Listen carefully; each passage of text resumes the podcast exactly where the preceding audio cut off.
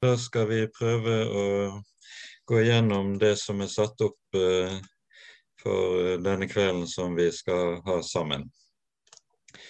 Eh, det kan kanskje være greit at vi begynner med å lese første delen av eh, Luthers forklaring til tredje artikkel i Lille katekisme, i det denne gir en god inngang til artikkel fem i Augustana og derf, derfra videre.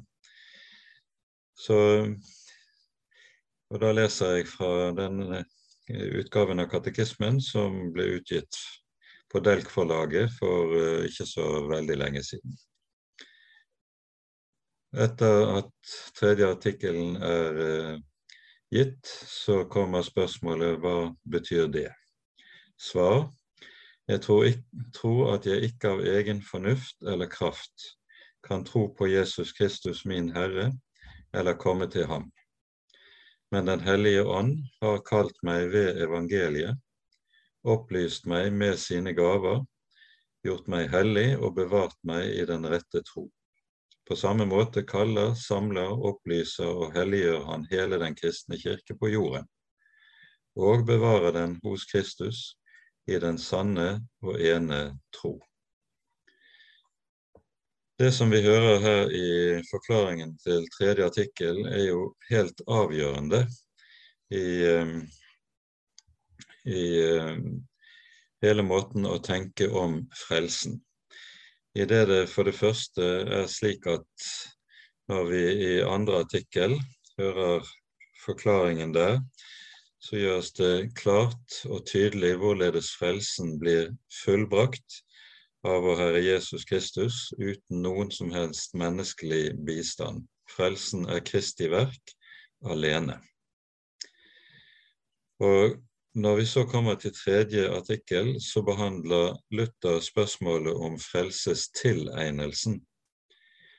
Og at den også, på samme måte som selve frelsen, er Guds verk alene. Det er et område hvor mennesket ikke selv kan bidra på noe som helst måte. Og Det er jo på denne måten at vi også kommer til møte med dette som eh, man i teologien lenge, lenge kalte for Graben-problemet. Hvordan kan noe som skjedde rent historisk for 2000 år tilbake ha noe som helst å si for oss som lever i dag.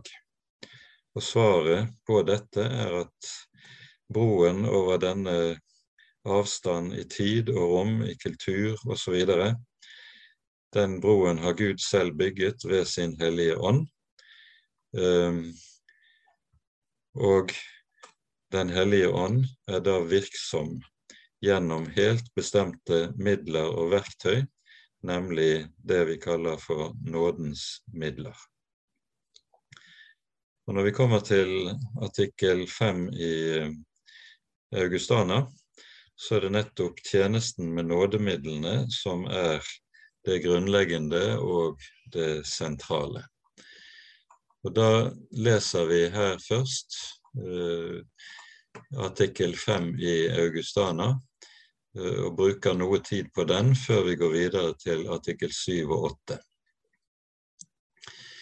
Eh, den gamle overskriften eh, i, over artikkel 5 i Augustana er om prekenembetet. Nå har jeg forstått det slik at det ikke er en opprinnelig overskrift, men en som er kommet til senere når når bekjennelsen ble utgitt all, allment, men det er for så vidt av underordnet betydning.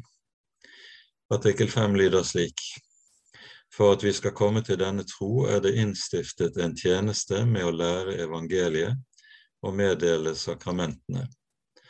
For ved ordet og sakramentene som midler blir Den hellige ånd gitt. Han som frembringer troen hvor og når Gud vil, i dem som hører evangeliet. Evangeliet er at Gud ikke for våre fortjenesters skyld, men for Kristi skyld, erklærer dem rettferdige som tror at de blir tatt av nåde for Kristi skyld, sitat fra Galaterne 3, for at vi ved troen skulle få ånden som det var gitt løfte om. Dernest kommer på slutten av artikkelen vi forkaster dem som mener at Den hellige ånd kommer til mennesket uten det ytre ordet, ved deres egne forberedelser og gjerninger. Dette er en artikkel som altså primært handler om nådemidlene. Men eh, i tråden med overskriften som er kommet til senere om prekenembetet, så er det slik at det også er en viss forskjell på den tyske og latinske teksten. Eh, oversettelsen som jeg har lest nå, det er egentlig den latinske teksten. For at vi skal komme til denne tro, er det innstiftet en tjeneste med å lære evangeliet osv. I den tyske teksten eh, sies det for at vi skal komme til denne tro, er prekenembetet innstiftet nemlig til å lære evangeliet og meddele sakramentene. Og Den tyske teksten legger derfor til rette for at det her er tale om det vi kaller for den kirkelige tjeneste, tjenesten med ord og sakrament. Men nettopp dette er noe av et stridstema når det gjelder forståelsen av artikkel 5 rent historisk. Ehm, I lavkirkelig tradisjon så har en forstått det slik at det viktigste er at ordet eller evangeliet læres og sakramentene forvaltes, men det er ikke av noen betydning at det er en ordning med en eh, bestemt tjeneste med dette, nemlig prestetjenesten i kirken. Mens en mer kirkelig forståelse av holder seg til denne betydningen av den tyske teksten, som jeg altså har sitert. Her strides de lærde, og uh, uh, man vil se f.eks. at i svensk tradisjon er det vanlig å forstå uh, artikkel 5 som rettet på den kirkelige tjenesten, på prestetjenesten. likeledes hører vi at Leif Grane forstår dette i sin kommentar til Augustana.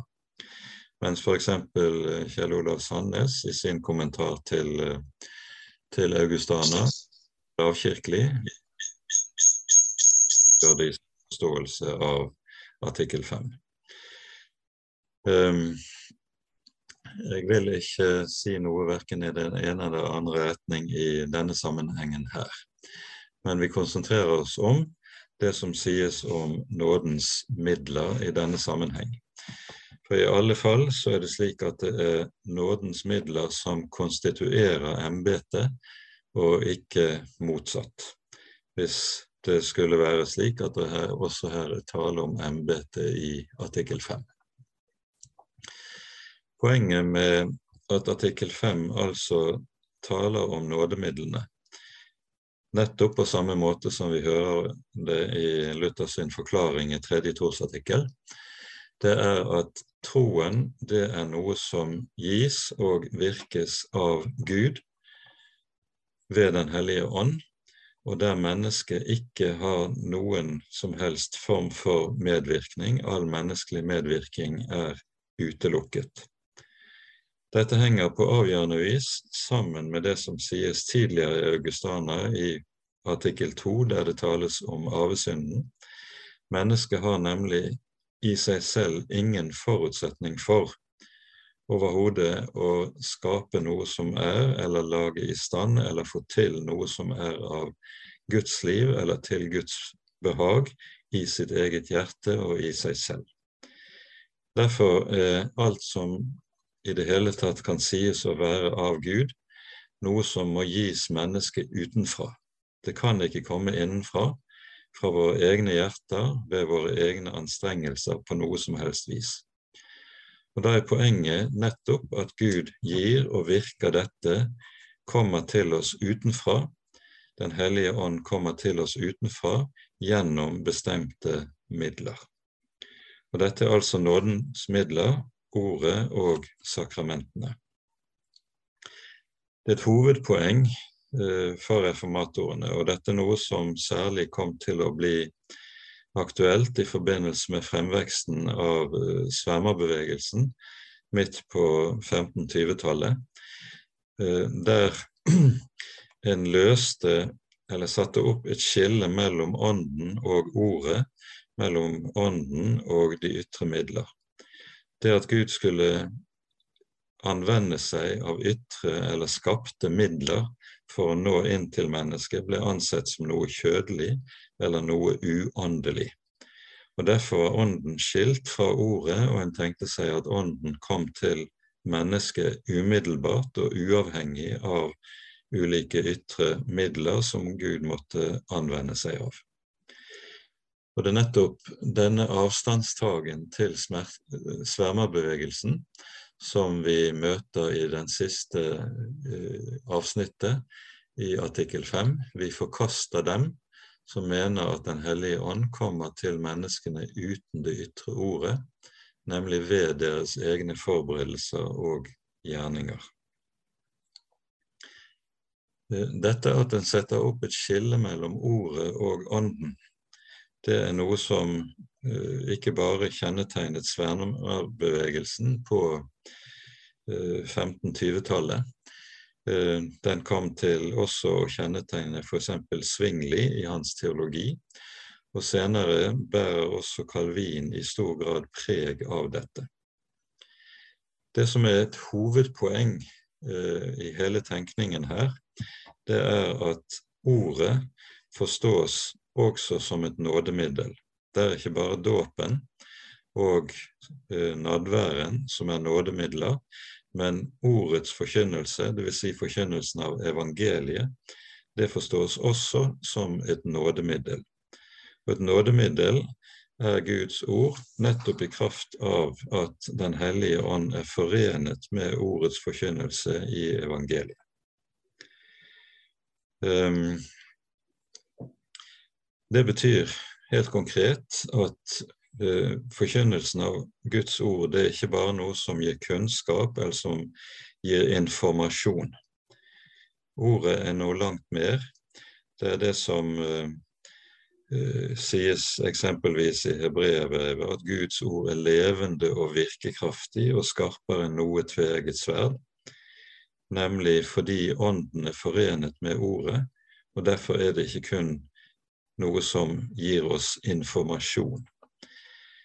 Jesus sier på tilsvarende måte i Johannesevangeliet sjette kapittel de ord jeg har talt til dere, er ånd og er liv. Jesus sier altså ikke bare at ordet dreier seg om eller handler om åndelige ting eller det evige liv, men han sier at ordet er ånd og er liv. Det vil si at det å ta til seg, ta imot det ord som rekkes oss i evangeliet, da tar en ikke bare til seg et ord, men en får også del i den ånd og det liv som gis oss i og med ordet. Og På denne måten er det ved sitt ord at Gud skaper alt godt i et menneskes hjerte. Han fornyer, han helliggjør, han gjenføder mennesket ved ordet. Og Dette ord er altså det grunnleggende nådemiddel. Og Det er fordi ordet er et slikt grunnleggende nådemiddel, det er ordet som også konstituerer sakramentene. Eh, det er i kraft av Kristi ord at dåpen er en dåp som er virkekraftig, det er kraft av Kristi ord og innstiftelse at nadværen også er et nådemiddel som rekker oss det Jesus sier, gir oss syndenes forlatelse, liv og salighet, slik som Luther også sier det videre når han taler om nadværen i Lille katekisme. Hele poenget i dette er at når eh, ordet og sakramentene er nådemidler, så er det det at Gud ved disse midler, ved disse verktøy, er virksom og handler med oss mennesker til frelse. Og slik er det at alt kristent liv, det vokser fremover, det spirer fremover, at vi bruker nådens midler på den måten som Herren har sagt. I um, artikkel 5 så sies det jo ved ordet og sakramentene som midler blir Den hellige ånd gitt.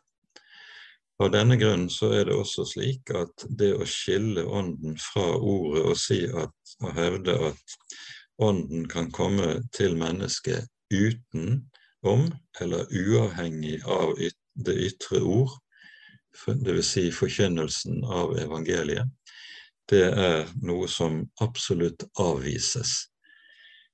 Luther kommenterer dette enda sterkere i de schmalkaldiske artikler, der han sier like ut at alt som skryter av ånd uten det ytre ord, er av djevelen. Og Dette er jo et sterkt momento til åndelige bevegelser også i vår tid, som i veldig liten grad bryr seg om det ytre ord, men hevder at man kan få Den hellige ånd på ulike andre måter som en da fremmer og taler høyrøstet om. I eh, artikkel 5 sies det også at eh, Den hellige ånd ble gitt ved ord og sakramentene som midler, han som frembringer troen hvor og når Gud vil. Eh, I dette ligger det at det er en avvisning av menneskets frie vilje, og at det er menneskets egen viljebestemmelse som skaper det nye livet, gjenfødelsen og kristenlivet. Det er Gud som skaper det, og han skaper det ved sitt ord. Det er ikke noen som helst form for menneskelig medvirkning. Um, artikkel 5 berører for så vidt ikke læren om forutbestemmelse. Men det er jo slik at i både Luther og hele den lutherske reformasjonen avviser meget bestemt Calvin sin tenkning om eh, dobbelt forutbestemmelse. Det vil si at eh, Gud har forutbestemt noen både til å bli evig frelst og andre til evig for evig å gå fortapt. Dette avvises med bestemthet i den lutherske reformasjonen, i det menneskets frelse knyttes eksklusivt nettopp til eh, bruken av nådemidlene. Eh, og det er nåde, det at Gud vil at alle mennesker skal bli frelst, slik vi leser i første Timotius brevs annet kapittel. Denne Guds frelsesvilje er det som gjør seg gjeldende gjennom anvendelsen av nådens midler, der Guds ånd kommer til oss via nådens midler. Um, og med dette tror jeg at vi stanser for det vi skulle si eh, om artikkel 5. Vi hopper så, så til artikkel 7 i Augustana, eh, som er den grunnleggende kirkeartikkelen i Augustana. Eh, og sammen med artikkel 8 er de to kirkeartiklene som taler om hva Kirken er. Men det er artikkel 7 som er den grunnleggende i denne sammenheng. Artikkel 7 sier slik Vi lærer at det alltid vil forbli én hellig kirke. Kirken er forsamlingen av de hellige, der evangeliet blir lært rett og sakramentene blir rett forvaltet. Til virkelig enhet i Kirken er det tilstrekkelig å være enige om evangeliets lære og forvaltningen av sakramentene. Det er ikke nødvendig at det alle steder er ensartede menneskelige tradisjoner, former eller seremonier som er fastsatt av mennesker. Som Paulus sier, én tro, én dåp, én Gud og alles far. Efesene 4. Det vi ser, hører i artikkel 7, det er faktisk den første kirkedefinisjon som man finner i teologihistorien.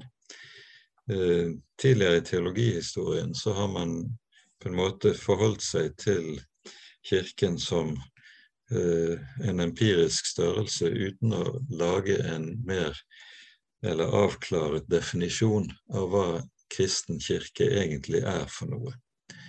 Og det er det som skjer i artikkel 7 i Augustana. Kirken er forsamlingen av de hellige, sies det. Um, I dette ligger det en meget klar og meget bestemt uh, avvisning av det romersk-katolske kirkebegrepet. Um, her sies det uttrykkelig at Og dette knyttes jo opp til um, uh, tredje trosartikkel, egentlig. Vi tror på Den hellige ånd, en hellig allmenn kirke, de hellige samfunn. I det er slik at Luther forstår uttrykket 'de hellige samfunn' som en presisering av hva som menes med begrepet 'en hellig kirke'. Det er nettopp dette poenget som eh, tas frem her i artikkel 7 i Augustana. Kirken er forsamlingen av de hellige. Ehm, I artikkel 8 hører vi nærmere om hva som menes med akkurat det. Eh, vi kommer tilbake til det når vi ser nærmere på artikkel 8. Men eh, artikkelen går så videre med å si der hvor evangeliet blir lært rett og sakramentene blir rett forvaltet. Dette er Kirkens kjennetegn ordet og sakramentene rett forkynt og rett forvaltet, det er det som er Kirkens kjennetegn, det som kalles for nota ecclesia. Ehm, det er en tendens til, rent kirkehistorisk, at en vil gjøre andre ting også til Kirkens kjennetegn. Innenfor moderne karismatikk, f.eks., så vil, heve, vil du ofte kunne høre at de ulike nådegaver er kjennetegn på en sann kirke. En slik tenkning vil avvises av Augustana. De kan muligens være frukter av sann, eh, den sanne tro og et levende kristent liv, men det er ikke kjennetegn på en sann kirke. Til den sanne kirke er det disse to kjennetegnene som står som det avgjørende og grunnleggende. Når det sies evangeliet blir lært rett, så er det ikke tilstrekkelig her å si at det her er tale om at evangeliet skal læres i samsvar med det som er gitt i Den hellige skrift. For til ordet å lære rett hører det i den lutherske forståelsen uh, uløselig til tenkningen om forskjellen på lov og evangelium. Evangeliet læres nemlig ikke rett dersom det ikke skjelnes rett mellom lov og evangelium. Um, dernest, når det taler om at sakramentene blir rett forvaltet, så tenkes det med det på at dette skal forvaltes i tråd med Kristi innstiftelse, nemlig som det, slik som det er lært eh, oss i evangeliene og i Paulus' omtale av eh, nadværen, slik vi hører det i første Korinterbrev. Dette som altså er Kirkens kjennetegn, det sier oss med tydelig og klart hvor du kan finne en sann og rett kristen kirke. Um, hvem som Hjertene kan ingen kjenne og ingen vite. Gud alene vet hvem som er sant troende, og hvem som ikke er det. Sånn at man kan aldri, vi mennesker kan aldri med bestemthet peke på personer og hevde at her har du den sanne kirke, og her ikke. For dette kommenterer jo også reformasjonsfedrene tydelig, at sanne kristne kan gjerne og ofte falle i store synder og likevel ha troen, mens eh, falske kristne ofte kan se både hellige og gode ut uten likevel å ha troen. Så det er ikke det ytre livet som avslører hva som er kristen kirke.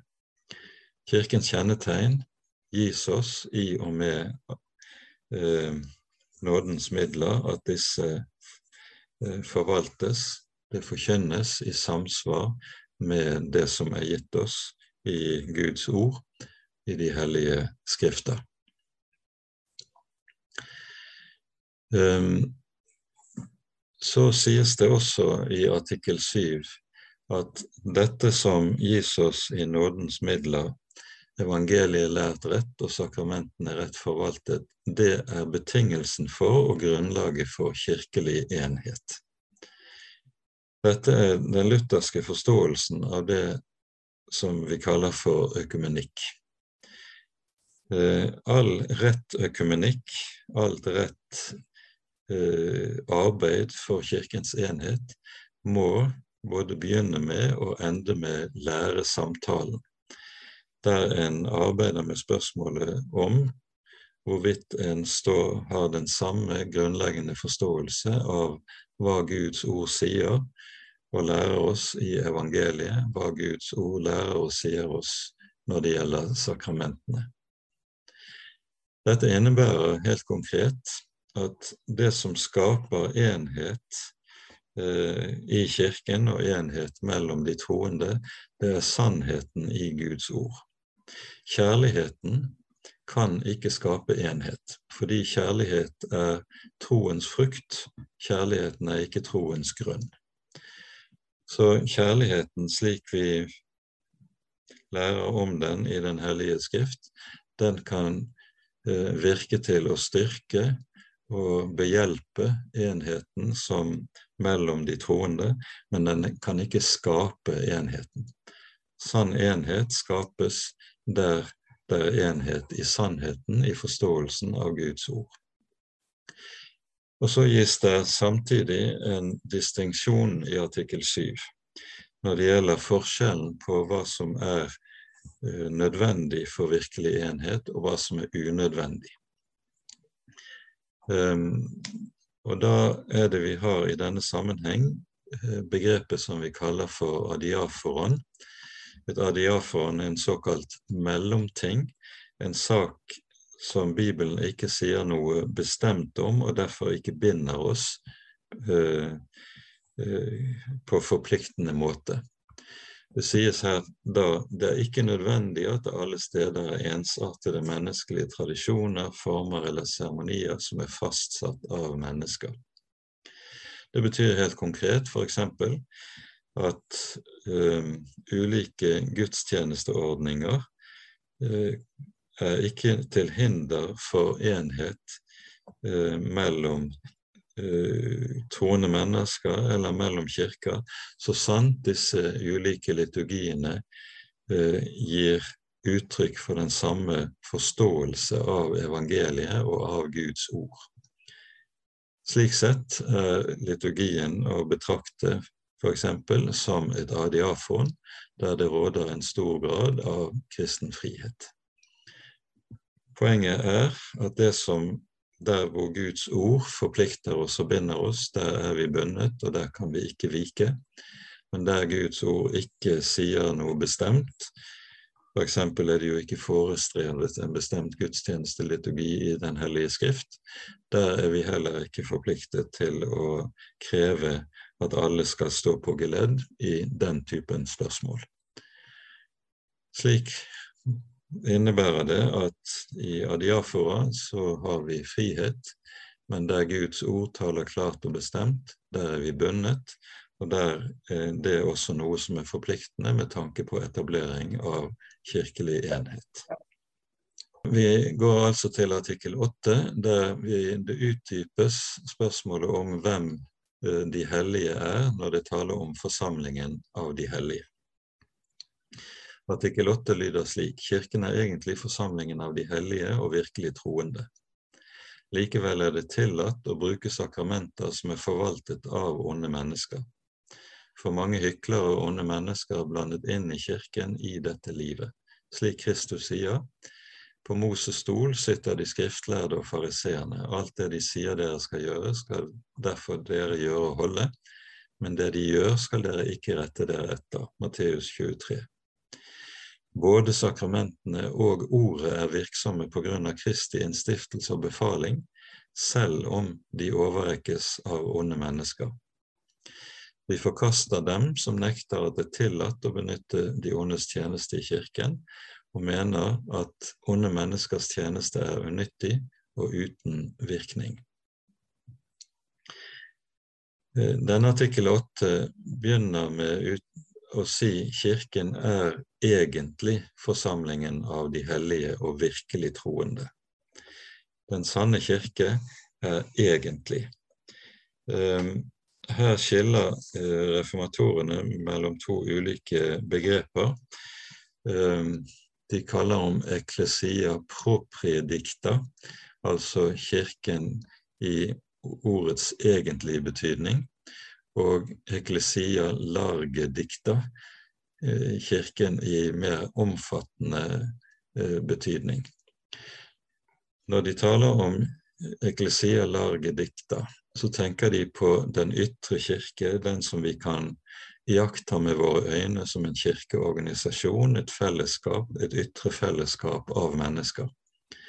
I dette ytre fellesskapet er det umulig for oss å skjelne og skilne mellom hvem som er ekte og sant troende, og hvem som ikke er det, fordi det er Gud alene som kjenner hjertene. Ehm, men innenfor det som er den ytre kirke, er det den egentlige og sanne kirke befinner seg, det som her sies Kirken er egentlig forsamlingen av de hellige og virkelig troende. Um, hvis vi går tilbake til artikkel 7 her, Kirken er forsamlingen av de hellige der evangeliet blir lært rett, osv., så, videre. så er Luther inne på dette i de smalkaldiske artiklene når han sier disse kjente ordene. Hva den kristne kirke egentlig er, det vet et barn på syv år. Det er de får som hører hyrdens røst. De sanne kristne er så å si kjennetegnet på ørene. Det er de som hører evangeliet, tror evangeliet, tar imot evangeliet og lever av evangeliet. Det er dette som i ordets egentlige betydning er kirke, slik som reformatorene eh, tenker om dette.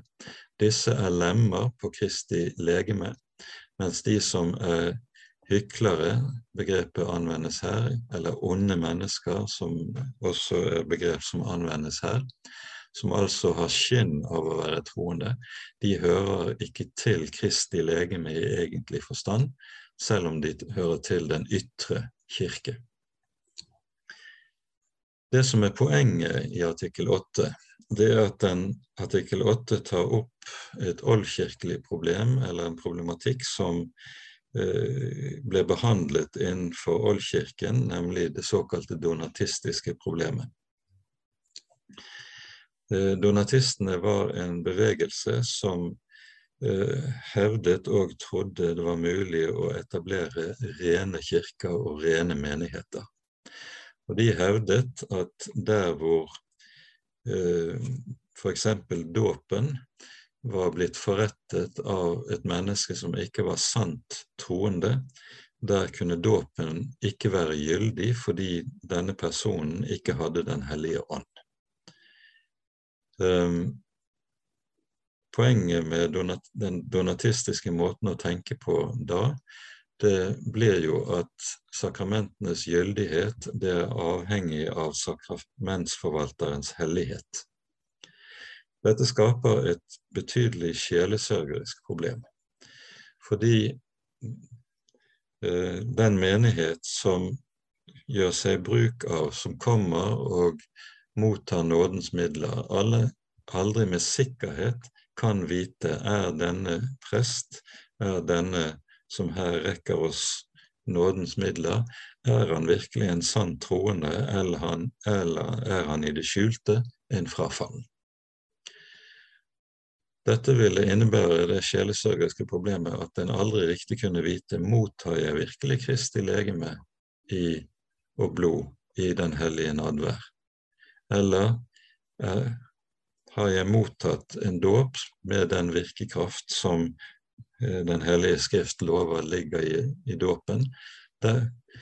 For hvis dåpens gyldighet er avhengig av sakramentsforvalterens hellighet, da da er alt tapt. Her gjør Den gamle kirke klart at sakramentenes gyldighet ikke er avhengig av forvalterens hellighet, men avhengig av Kristi innstiftelse. Det er Jesu innstiftelse og befaling som gjør eh, sakramentene gyldige og gir dem virkekraft, ikke eh, forvalternes hellighet eller formente fromhet. Dette er avgjørende å være klar over, og dette møter altså et viktig sjelesørgerisk eh, problem. I den situasjonen man i dag er i, f.eks. For i forhold til Den norske kirke, så står man ikke bare overfor eh, forvaltere av nådens midler som i det skjulte eh, er frafalne mennesker, men vi står også overfor personer som eh, er åpenbart vranglærere og lærer i strid med det Guds ord sier oss. Da er det viktig å ha med seg det som sies i artikkel 7. Til virkelig enhet i Kirken er det nok å være enig om evangeliets lære og forvaltningen av sakramentene. Selv om disse forvaltere altså eh, virker i Kirken, og vi hører det som sies i artikkel 8, så lærer reformasjonsfedrene oss meget, meget, tydelig at vi ikke skal inngå i noen som helst form for kirkelig enhet med dem som lærer i strid med Guds ord, lærer i strid med Den hellige skrift. Når et menneske går frem til nadvær, bøyer kne, tar imot Herrens legeme og blod, da sier en også i realiteten, fordi nadværen er enhetens sakrament, en sier til den som en kneler ved siden av, vi er ett, vi har den samme tro, vi er ett i Kristus. Men nettopp dette kan en ikke si der hvor det taler om vranglærere og vranglæreres tjeneste. Til disse kan man ikke si 'vi er ett'. Og Derfor skal en, og må en, holde seg borte fra enhver sammenheng der det er tjenere som lærer i strid og virker i strid med Den hellige skrift. Dette som en kommentar i tillegg til det som sies i artikkel 8, og som altså ikke eh, omtales direkte i artikkelen men som gir seg ut fra det som vi hører i artikkel 7. Vi er nå til sist kommet til artikkel 14, som vi skulle ta for oss eh, i dag. Og Denne artikkelen har jo overskriften om det kirkelige embetet, eller om den kirkelige ordning. Den er meget kort. Her sies det slik vi lærer at i Kirken bør ingen lære offentlig eller forvalte sakramentene uten at han er kalt på rette måte. Eh, denne artikkelen inneholder ingen avvisning av læren om det allmenne prestedømmet. Eh, men her er det tale om at det som, det som vi her kalles for den offentlige tjenesten med ord og sakrament. Alle kristne er kalt til å vitne, slik Peter f.eks. lærer oss det i sitt første brev i det andre kapittel. Det er et hellig presteskap osv. for at dere skal forkynne Hans storverk som kalte dere. Men det som er den lutherske tankegangen i dette, er at alle kristne skal gjøre dette hver i sitt kall, hvor Herren har satt dem og plassert dem. Den offentlige tale og offentlige undervisning som eh, det her er tale om, dreier seg om det vi kaller eh, tjenesten med ord og sakrament, som utføres i hyrdeembetet, f.eks. i den kristne kirke. Det er et viktig poeng eh, rent nytestamentlig at eh, den offentlige tjenesten, presbytertjenesten eller læreembetet osv. Dette har ulike navn i Det nye testamentet. Det er en tjeneste som er innstiftet av vår Herre Jesus Kristus. Det er ikke en rent menneskelig ordning som er praktisk fordi det er godt å ha orden i sysakene når man skal organisere en gruppe mennesker. I Efeserbrevets fjerde kapittel så sies det i vers 11 og vers 12 slik Han er det som ga oss noen til apostler, noen til profeter, noen til evangelister, noen til hyrder og lærere, for at de hellige kunne bli gjort i stand til tjenestegjerning, til oppbyggelse av Kristi legeme. Her omtales uh, ulike typer tjenester i Den gamle kirke. Og Det som vi kaller presteembetet, den offentlige tjenesten med ord sakrament, det er det som her benevnes med begrepene hyrder og lærere. I tråd med dette så hører vi både f.eks. at Paulus i brevet til Titus sier til Titus at det hører til hans oppgave når han er etterlatt på Kreta, at han skal innsette eldste presbytere i hver menighet. Og samme sak hører vi om eh, Paulus i apostelgjerningene 14. kapittel vers 23, at Paulus innsatte eldste, han innsatte presbytere i hver menighet som de altså hadde eh, som hadde blitt til gjennom deres forkynnelse. Så dette, denne tjenesten, den offentlige tjenesten med ord og sakrament, den er gitt av Kristus. Så læres det altså at ingen bør lære offentlig eller forvalte sakramentene uten at det er kalt på rett måte. Og her er det på ny slik at man strides om hva er det som menes med begrepet å være kalt på rett måte. På latin sies det 'rite vocatus'. Ehm, her har det vært to ulike retninger. Den ene retningen vil kanskje noe med et visst lavkirkelig merke tenke at det er tilstrekkelig at menighetene eh, på ulik måte gir et kall eh, til en person, mens en, eh, på en mer kirkelig forståelse har tenkt om dette, at rette, rite vocatus betyr rett ordinert. Eh, det kan være grunnlag for, å, for begge måtene å tenke på ut fra andre av reformasjonens skrifter, men vi må la det ligge i denne sammenheng. Det er viktig å være oppmerksom på at artikkelen sier ingen bør. Det sies ikke at ingen skal, lære offentlig, men det sies ingen bør. Dette er en ganske forsiktig uttrykksmåte som åpner opp ikke minst for også eh, den eh, tjeneste som en ser har vært uhyre viktig bl.a. i eh, innenfor lav, den lavkirkelige vekkelsesbevegelsene som har gjort seg gjeldende i våre land, og innenfor misjonsorganisasjonene.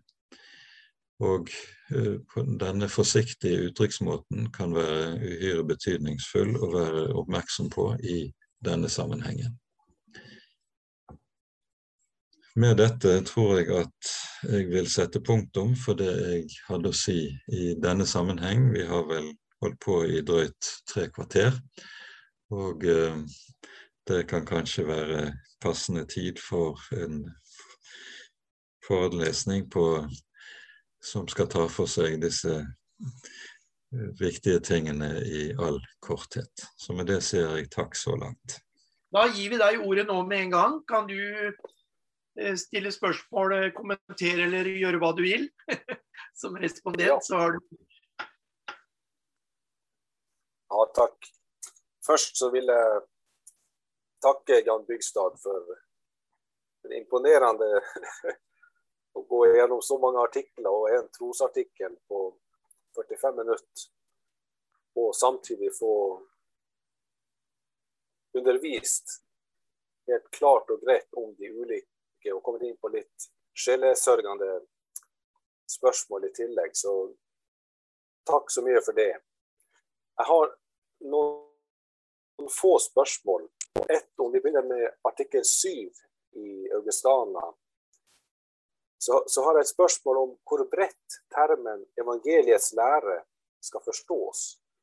Du nevnte at lov og evangelium var et krav for at, at det rett i lov og evangelium, at det var et krav for at evangeliets rette lære. Men en forståelse ut ifra Konkordieformens tiende artikkel om adiafora, når det til slutt sies at man kan ha flere eller færre seremonier så lenge man er enig med hverandre i læreren og dens artikler.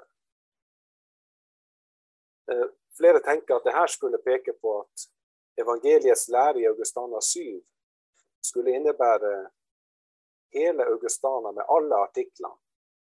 Og Jeg skulle gjerne ville høre hvordan du tenker her, og hvor bredt du forstår termen der i artikkel 7.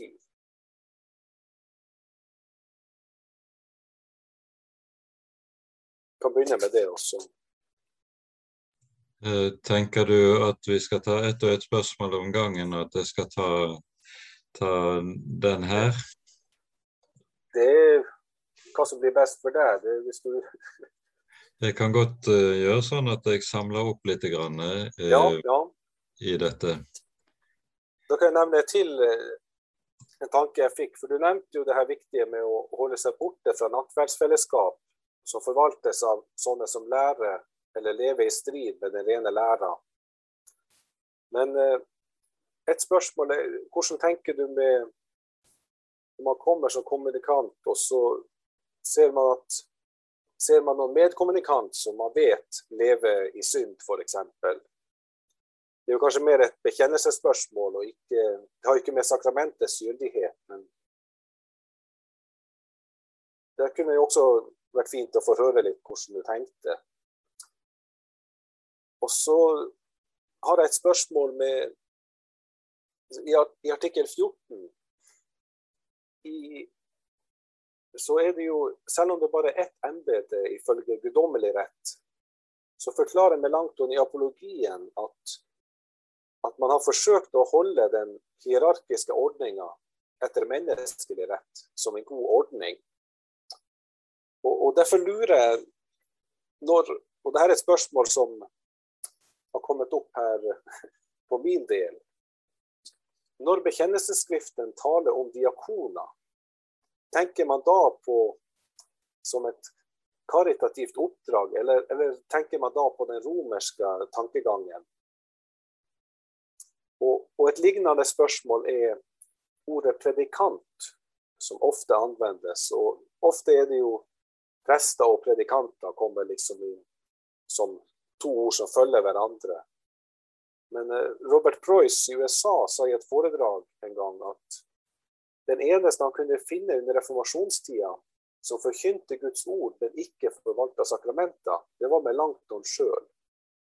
Så om du har mulighet, så forklar også hva ordet predikant betyr i bekjennelsesskriften. Så ja, jeg kan takke Gi meg der så lenge.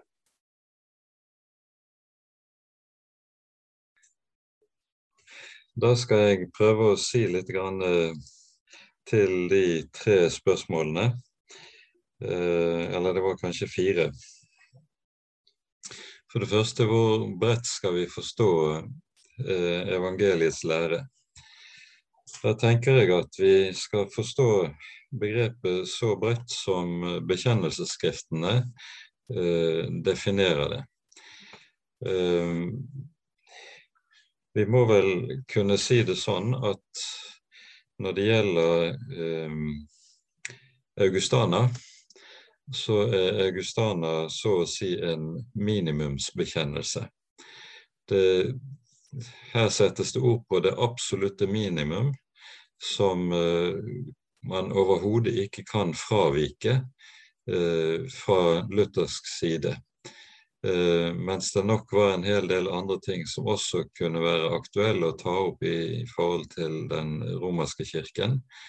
Mens det som det settes ord på her i, i Augustana, det er altså et absolutt minimum.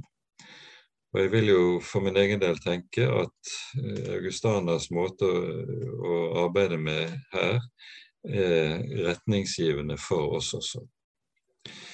Nå har vi hatt et fellesskap av ulike kirker og, og eh, bevegelser som har møttes årlig gjennom en del år.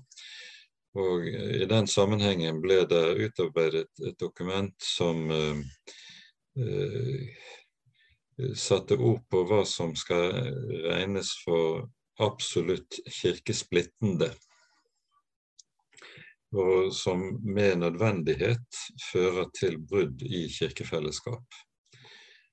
Uh, og Her ble det satt ord på tre av fire hovedpoeng nemlig fire, i første omgang de tre ulike grunntyper av vranglære som dukker opp og behandles i Det nye testamentet, ehm, og som alle har det til felles at det sies uttrykkelig at den som, eh, som eh, bekjenner seg til slik vranglære, eh, vil komme til å gå fortapt. Den første typen vranglære er det du kan kalle eh, eh, dogmatisk eller kristologisk vranglære. Eh, og som helt klassisk behandles f.eks. i første Johannes brev, der fornektelsen av inkarnasjonen kalles for Antikrists ånd, og der Jesus også i Johannesevangeliets åttende kapittel sier at dersom dere ikke tror at jeg er den jeg er, eh, skal dere dø i deres synder. Altså fornektelsen av Kristi guddom, og da i sin konsekvens fornektelse av treenigheten, medfører denne alvorlige følge. Det andre typen, hovedtypen av vranglære som medfører Eh, kan medføre fortapelse, det er etisk vranglære. Og Det er dette som særlig tas opp i brev som f.eks. 2. Peters brev. Du møter det også i 1. Johannes brev og i Kolosserbrevet, Judas brev, eh, der det taler om eh, en praktisering av kristen frihet som setter Guds bud til side. Her vil du ha med nødvendighet samme slags brudd på kirkelig fellesskap. Um, etisk vranglære er en problematikk som ikke behandles f.eks. i Augustana, men som likevel altså vil medføre med nødvendighet, ifølge skriftene, uh, brudd på fellesskap. Og så har du den tredje typen vranglære, som jo kanskje er den typen vranglære som var mest aktuell under reformasjonen. Eh, det som man kan kalle den soteriologiske vranglære, og som behandles ganske særlig i Galaterbrevet, men også tas opp i stor grad i Romerbrevet. Eh, der lov og evangelium blandes, og der settes opp eh, loviske betingelser for at mennesker skal kunne ha del i evangeliet. Om dette sier Paulus med tydelige ord. Eh, om noen forkynner et annet evangelium, han være forbannet. Så det er de tre hovedgrunntypene av vranglære som eh, Det nye testamentet setter opp, og som vi må peke på er noe som uvegerlig vil måtte medføre brudd også i kirkefellesskap. I tillegg til dette så har du i det som behandles av Paulus i forbindelse med nadværen eh, i Korint, første Korinterbrev kapittel 10 og 11, der det jo kan se ut til at der eh, nadværen behandles på uverdig vis, eh, der fører det også med seg den samme skjebne. Og dermed så har vi dratt inn i det som sies i eh, Augustana 7, at det taler om eh, ikke bare at evangeliet skal bli lært rett, men også at sakramentene skal forvaltes rett som en nødvendig betingelse for enhet. Eh, men dette er et svært spørsmål. Jeg tror jeg skal begrense svaret mitt til akkurat dette. Så spør du neste spørsmål om dette med nadværfellesskap, og hva om en får uh, vite om en medkommunikant uh, lever i konkret synd. Um, det som en da bør gjøre, det er at en i først bør følge den, eh, de retningslinjene som Jesus angir i Matteusevangeliets 18. kapittel fra vers 15, der Jesus gir praktiske retningslinjer i forhold til en bror som har syndet eller lever i synd. Um, en kan gjøre ett av to ting i første omgang. Enten selv å tale med vedkommende hvis det er en uh, naturlig åpenhet for det. Alternativt, og kanskje en helst skulle gjøre først, uh, tale med sin prest om det, fordi at det er presten som sakramentsforvalter som har et særlig ansvar for å sjelesørgerisk å ta dette opp med den aktuelle personen. Og det er jo ganske naturlig også da presten, som hvis det skulle være nødvendig, vil måtte gå til de skrittene som uh, vil innebære kirketukt, uh, om vedkommende ikke vil omvende seg fra sin synd. Um, en skal ikke bare så å si ta det hele på sparket og reise seg og bryte nådeværfellesskapet. Det, det nye testamentet lærer oss at det skal være en viss prosedyre på, på slike ting. Jeg tror det får være det. Um, så har du jo rett i det som du er inne på, at um, Og dette tas jo opp senere i, i Augustana, om forskjellen på det som er etter guddommelig rett, og det som er etter menneskelig rett. Skjelningen mellom de ulike embetene, sånn som man finner det rent kirkehistorisk, mellom uh, f.eks. diak Eh, diakon, prest, biskop som tre embeter som man i klassisk forstand f.eks. For finner innenfor den romerske kirke. Det er en skjelning som eh, vi med den lutherske tenkningen som jo eh, forholder seg til den bibelske åpenbaring, vil si at dette er noe som kun eh, en skjelning som kun kan være etter menneskelig rett, ikke etter guddommelig rett. Og det diakonembetet som en jo da finner innenfor romersk tradisjon, eh, det er jo vel et annet diakonembete enn eh, det som omtales i Det nye testamentet, som nettopp er et karitatisk, et kjærlighetens embete, som handler om omsorgen for, eh, for lidende i menighetene. Mens det diakonembetet man finner innenfor romersk tradisjon, det er jo et forstadium til ordinasjonen til presteembetet. Um, så var det det siste spørsmålet du spurte om predikanter som ikke forvalter sakramentene. Um, og så nevner du Robert Preuss som sier at under reformasjonen så fant man kun et eksempel på dette, at det var Philip Melanchthon. Der må jeg vel si at jeg rent historisk ikke har nok kunnskap til å svare veldig eh, konkret på det spørsmålet, så det tror jeg må sende videre til andre lærde. Takk. Jeg kan bare Mitt, mitt spørsmål der var egentlig ordet når det snakkes i bekjennelsesskriften om predikant, mener de da bare funksjon av Om man tenker funksjon av at en prest preker, f.eks., eller Det var det som var litt sånn som jeg lurte litt på. For det, det tales ofte om predikant og så her, og så og, og, ja. Så det var, det var helt enkelt Når man leser bekjennelsesskriften og det står predikant, kan det være en prest som bare kalles predikant for at han Eller sånn. Og, og sammen med diakon også. Når man finner det i bekjennelsesskriften, er meninga for dem da den karitative eller den eh, steg i hierarkiet? Ja, da er det nok slik at når det taler om prediktamt, predikt amt, som det heter i den tyske Eh, teksten i artikkel 5 og, og, ministerium verbi på latin, så tenkes det nok på presteembetet slik som vi eh, forstår dette.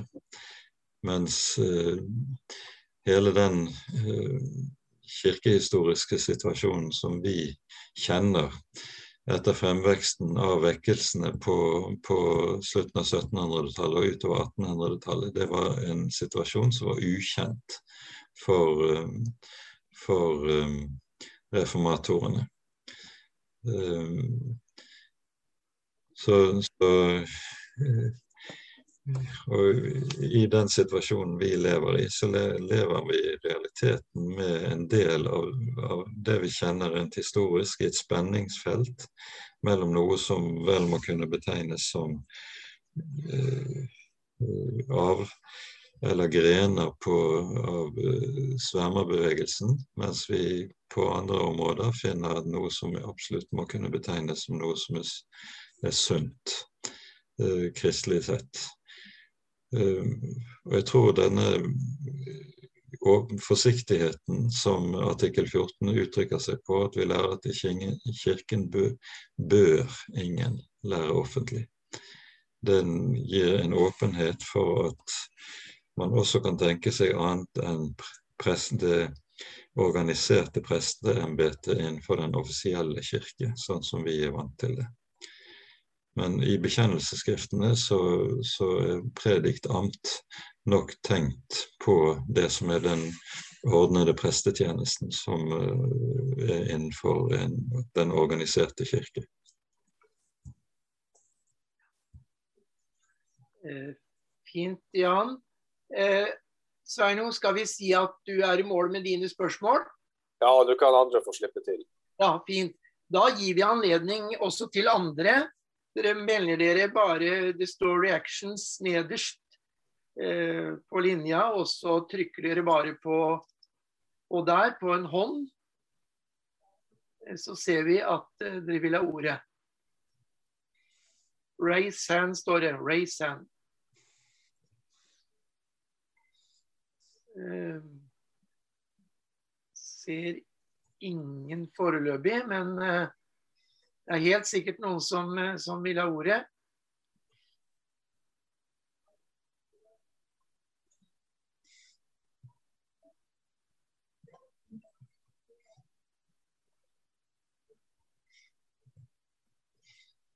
Det var en sjelden forsamling. Uh, det, vi er jo vant til at denne typen eh, åpenhet for spørsmål ofte innledes med i hvert fall ett minutts stillhet. Så Ok. Ja da, det er ikke noe, ingen skade skjedd så langt. Men uh...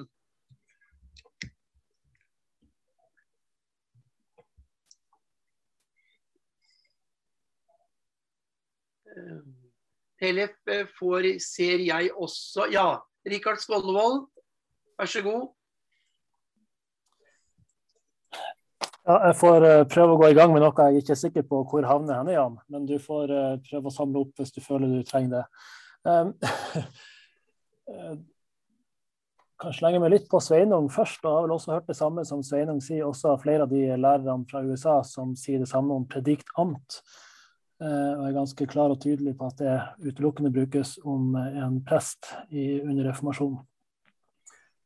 Um, så langt jeg har lest. Um, men jeg tenkte jeg skulle gripe tak i en litt annen sak som går på dette her med, med, med Du var inne på dette med sakramentene som utgangspunkt for alt vi snakker om egentlig her i dag. Uh, og i neste omgang så vil jo det si at dette har sin, sin fremste og egentligste hensikt hos menigheten. Altså menighetens liv og ivaretakelsen av menighetens liv kommer i fokus. Um, men så er det samtidig dette her spenningsfeltet som du også um, for så vidt uh, snakker om flere ganger. Hvordan skal vi forstå de ulike ting? Uh, for og, og Sveinung var også inne på dette her. Er det funksjon? Og da er det jo en diskusjon som også pågår. Er det funksjon eller person man egentlig snakker om? Um, og, og en annen måte å snakke om dette på. Er, er det nåden og forkynnelsen av nåden alene som definerer hva, hva som i så fall defineres innbete? Um, så, kan du gjenta det siste du sa nå? Ja. Om er nåden um, og forkynnelsen av nåden, eller forkynnelsen av evangeliet, altså det å overrekke frelsen, er det dette som definerer embetet alene? I så fall vil embetet finnes mange plasser og på mange måter der ordet forkynnes. Um, og dette vil man kanskje i mange sammenhenger uh, si passer mer på en motorisk forståelse av evangeliet gjennom ytre midler. Um, mens på den andre sida har du romersk-katolsk kirke som har dette at, at embetet legges på en person og det er kun personens kan vi si, Den personen det legges på, som kommer i fokus på hva embetet er. Og da pleier man å si dette er romersk-katolsk. Um, når jeg tok uh, et fordypningskurs på dette med dr. Masaki, så sa han at her holder lutherdommen på, på sitt simul. Uh, også her er det begge deler samtidig, og det er et veldig luthersk eh, kjennemerke ved denne måten å forstå embetet på. Altså at hvis evangeliet ikke forkynnes, er det helt selvsagt at, at embetet ikke er i funksjon. Og hvis det ikke forvaltes på rett måte, da skal du avsettes fordi at du ikke, utfører ikke sin hensikt. Men samtidig så er dette embetet av Gud lagt på personer og ikke av menigheten sånn sett, som velger den og velger personer som de da kan sette inn og sette ut slik de ønsker. Eh, det var mange løse tråder, men du får prøve å samle det her Jan, til noe fornuftig. ja, eh, jeg vet ikke helt hvordan jeg skal eh, ta, tenke rundt dette. Jeg var jo inne på hvordan forståelsen av Augustana 5 Eh, dras i to retninger. Enten i eh, en, det man kan kalle for en funksjonalistisk forståelse av, eh, av artikkelen. Det viktige er at den funksjonen, nemlig at evangeliet forkynnes og at sakramentene forvaltes, er til stede. Og så er det helt uten betydning hvilke personer som gjør det, og i tilfelle hva slags ordninger som, som uh, regulerer det hele. Uh, den funksjonelle forståelsen, den nevnte jeg at den, den vil uh, Carl Fredrik Wisløff representere, og etter ham altså Kjell Olav Sandnes på, på Menighetsfakultetet. Mens du både en Leif Grane og helt alminnelig i svensk tradisjon, så vil du ha en personal forståelse av dette. At her er det tale om de som offentlig kalles til å ha dette, denne tjenesten. De er det som, som eh, det taler om i artikkel 5. Og eh, det må vel kunne sies at når den tyske teksten til CA5 eh, sier eh, prediktamt, som altså er betegnelsen på presteembetet uh, innenfor Den lutherske kirke, som oversettelse av begrepet tjeneste eller embete eller ministerium, så drar vel eh, den tyske teksten i retning av at dette skal forstås personalt og ikke kun som en funksjon. Skal det forstås, uansett hvordan det skal forstås, så sier jeg, altså Augustana noe om hvordan dette skal ordnes i artikkel 14. Og den konkrete kirkeordningen, hvordan den skal utmyntes, eh, det er noe som hører inn under menneskelig rett.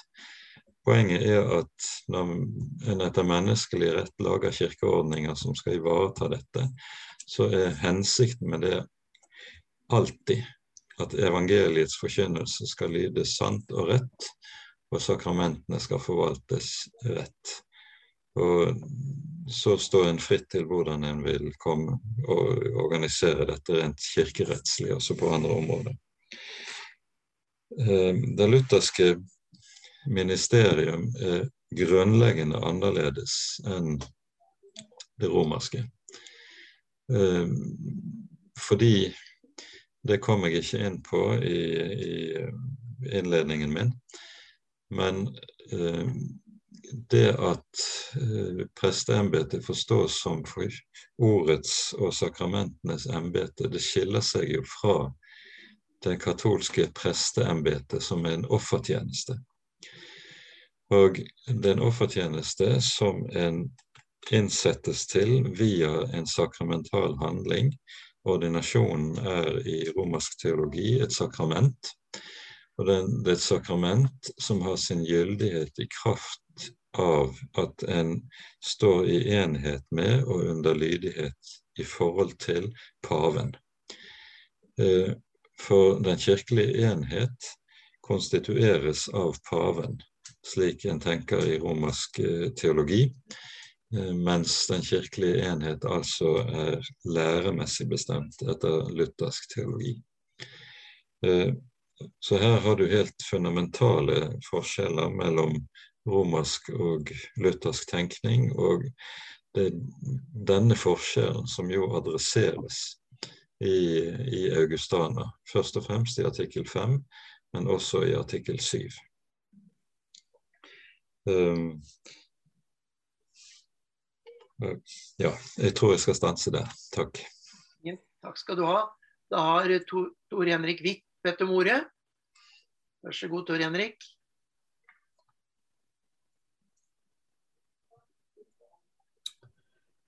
Ja, se om jeg kan ta opp tråden her. Jeg har, eh, jeg har begynt å hva skal jeg si, prøve, prøve, å arbeide meg inn i et perspektiv på SEA som, som um, Knut Alsvåg, professor Knut Alsvåg gjør seg til, til talsmann for. Eh, hvor han sier at eh, man må legge stor vekt på, på eh, Augustanas utgangspunkt i resepsjonen av Kalkedons to kristologi, nemlig dens to naturlære. Og at det kan være mest fruktbart, slik forstår jeg han, å lese Augustana som en en eksplisering av hvordan denne tonaturlæren også må presiseres med henblikk på frelseslæren, altså soteriologien. Um,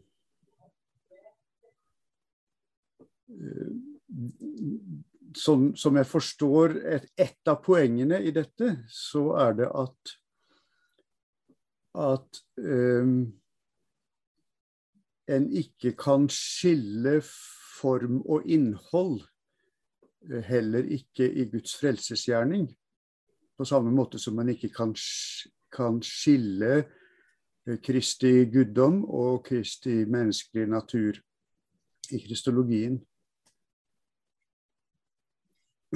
Det eh, når, når en ikke kan, ikke skal skille form og innhold, F.eks. som du har vært tydelig inne på, Jan. Ikke, kan ikke skille frelsesmeddelelsen fra det ytre ord og løsgjøre det, eller løsgjøre åndens frelsende gjerning fra det ytre ord. Og jeg tror at, eller Hvis en går inn på den tankegangen, og det tror jeg har mye for seg, så vil det heller ikke være rom for å skille mellom form og innhold når det gjelder prekenembetet. Eh, altså hele, hele, problemstillingen eh, om eh, et funksjonelt eller et personalt, en personal embetsforståelse Eh, rett og slett ikke gjør rett og slett for seg overfor dette perspektivet som bærer hele CA. Ehm, jeg forstår det slik at uh, hos Alsvåg at uh, denne, dette å skille form og innhold er et, et av de grunnleggende trekkene ved moderniteten, som jo har røtter vel i renessansen eller, senmiddelalderen, på noe kanskje heller man skulle si. Og at det er grunnleggende fremmed for SEA, uh, kanskje med et enkelt unntak, og, og, enda mer fremmed for Luthers måte å tenke eh, all teologi på. Som man kanskje kan si, det er ikke eh, med noen andre, at all teologi er grunnleggende kristologi. Så jeg, jeg syns at det er iallfall virker på meg som et fruktbart eh, utgangspunkt for å avvise hele distinksjonen mellom, det, mellom, mellom eh, eh, innhold og form, også når det gjelder forståelsen av prediktamt eller, eller det kirkelige embetet. Um, ja, jeg synes det Ellers så syns jeg at det, det, dette perspektivet er uhyre spennende, og jeg, jeg, jeg ser nå fram mot å, å, å, kanskje både forstå mer og prøve å applisere det mer, eller høre mer om hvordan det kan appliseres på andre deler av SEA. Um, ja, for denne gangen kan det være greit nok.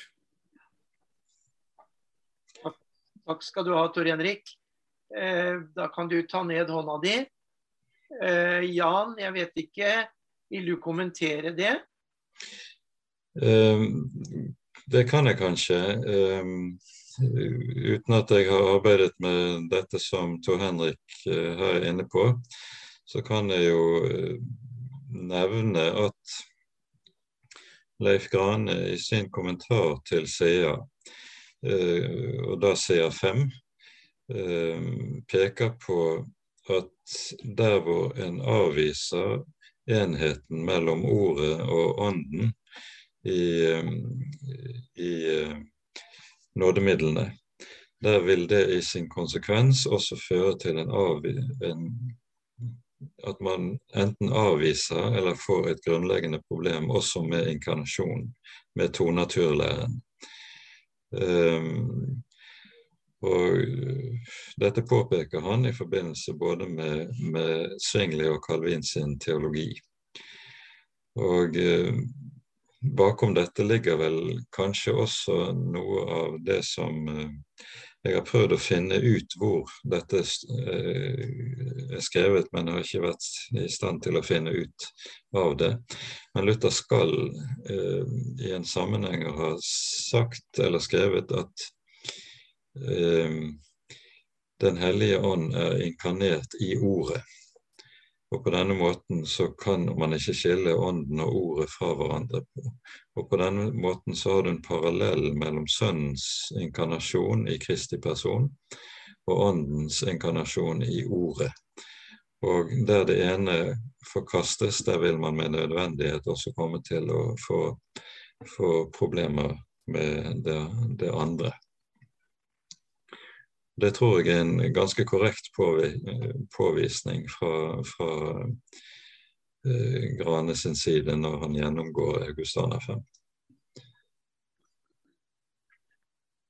Takk skal du ha. Eh, jeg ser ingen flere som har bedt om ordet. Eh, vi skal ikke holde på lenger hvis det ikke er noen som har noe på hjertet. Men der kommer Rikard Skolvold igjen, ja. Vær så god.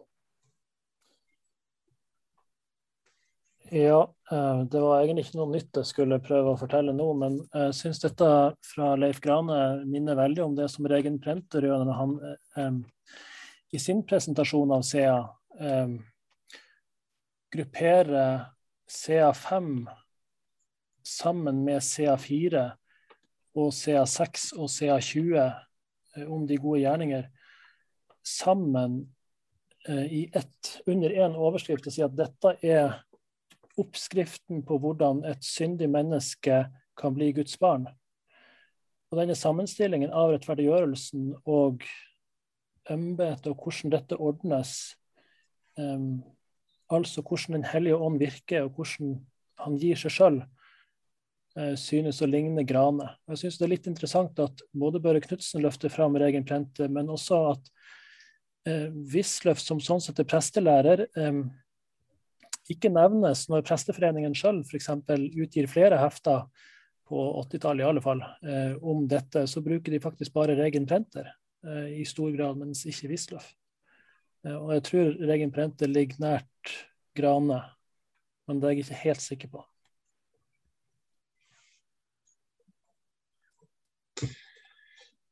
Ja, jeg må vel få si her at jeg har ikke lest uh, Regen Prenta på, på, akkurat dette som du er inne på, Rikard.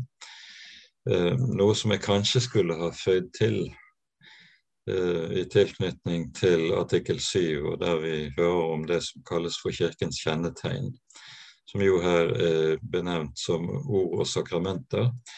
Så er det jo slik at Luther senere i skriftet om Eh,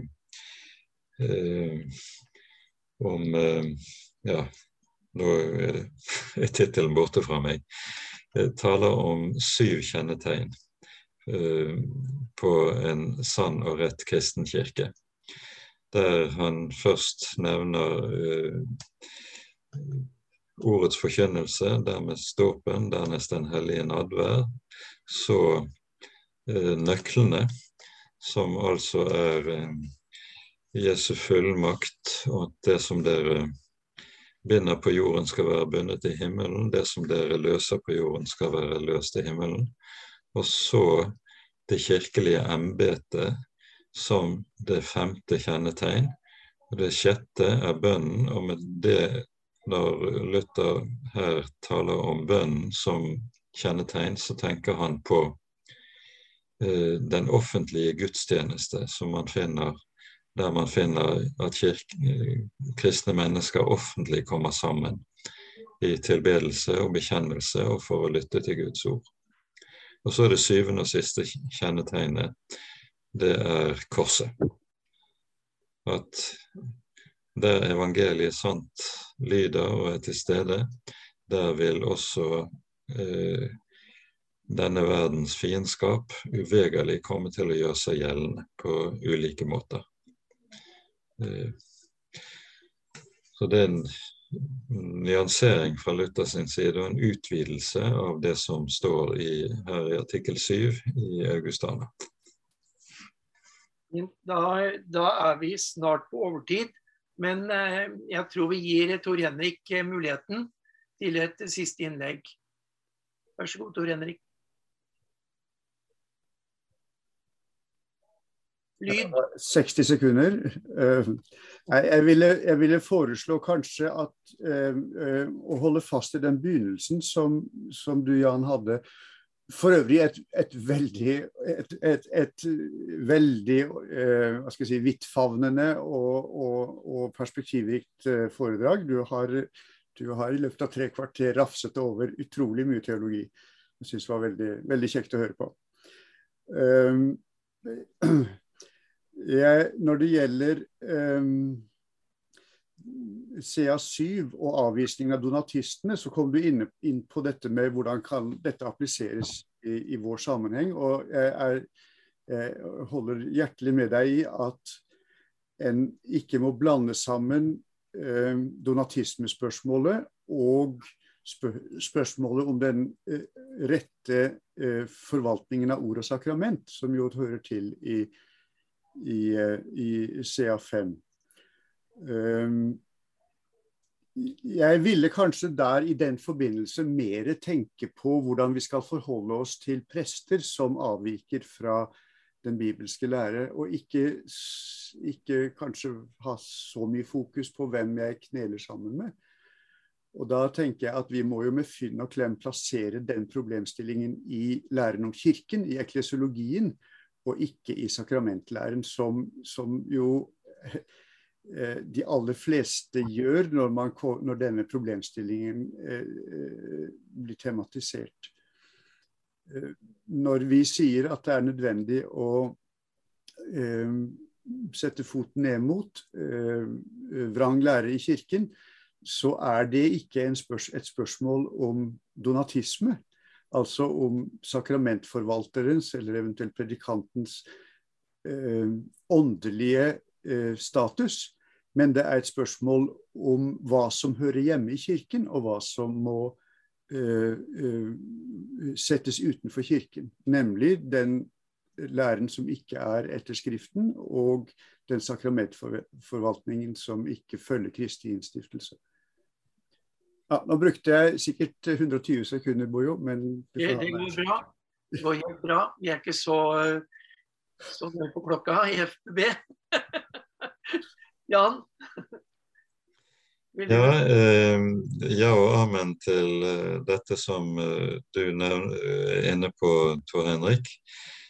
For øvrig er det jo sånn at hele den kirkelige virkelighet som vi kjenner, med hundrevis av ulike kirkesamfunn, det var en helt utenkelig situasjon for reformatorene. Reformatorene tenker seg egentlig at det bare finnes to kirker. Eh, og det er på den ene side det som er den sanne kirke, og det sies jo uttrykkelig i artikkel 7. Vi lærer at det alltid vil forbli én hellig kirke. Og hva kirken, denne ene kirke er, det defineres så. Og så er det den andre kirke, det er løgnkirken. Det er nemlig der evangeliet ikke lyder. Um, og overalt hvor dette er tilfellet, at man har noe som har navn av å være kirke, men der Guds ord og evangeliet på ulike måter blir fornektet, der står vi overfor løgnkirken.